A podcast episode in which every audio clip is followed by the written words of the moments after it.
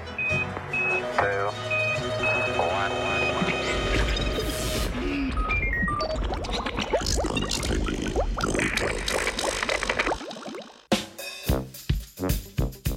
Tartufov lačni ptiči.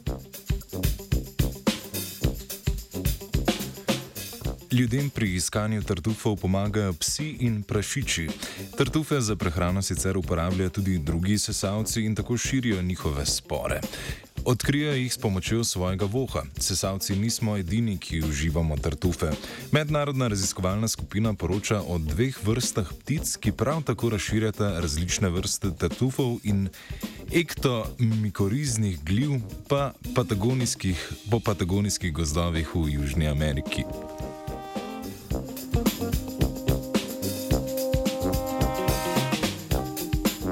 Raziskovalci so med zbiranjem vzorcev tartufov na terenu v Patagoniji po naključju opazili, da jim, ko brskajo po tleh in pobirajo vzorce, sledita dve vrsti ptic. Pozneje so ugotovili, da se čukao tapakulo Skelorkilus rebecula in črnogrli uetuet pteroptokus terni prehranjujeta tudi s tartufi in drugimi glivami v tleh.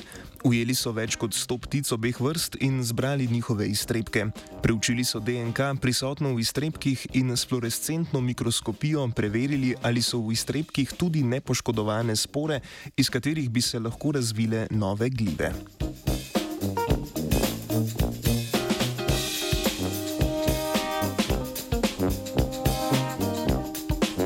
Analiza je pokazala, da je v iztrebkih prisotnih več različnih vrst tartufov in ektomikoriznih gliv. Poleg tega so pri tretjini osebkov črnogrlega wet-weta in pri več kot dveh petinah osebkov čukao tapakulo v iztrebkih tudi nepoškodovane spore, ki služijo razširjanju gliv.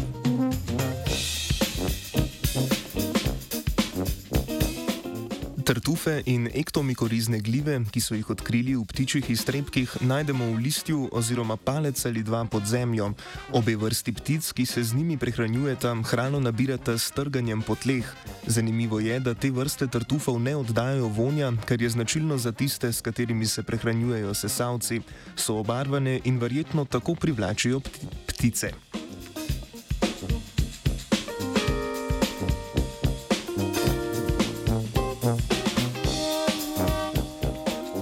Je, da ptice s svojimi iztrebki razširjajo semena različnih rastlinskih vrst. Raziskovalna skupina je opisala nove odnose med pticami ter glivami in tako sedaj vemo, da imajo pomembno vlogo tudi za razširjanje gliv. Različne vrste tartufov in ektomikoriznih gliv, opisane v raziskavi, se sicer v odnosu z bukvami slednjim dajo različna hranila iz tal, od bukev pa pridobivajo sladkorje. Patagonijskim pticam se čudi Zarja.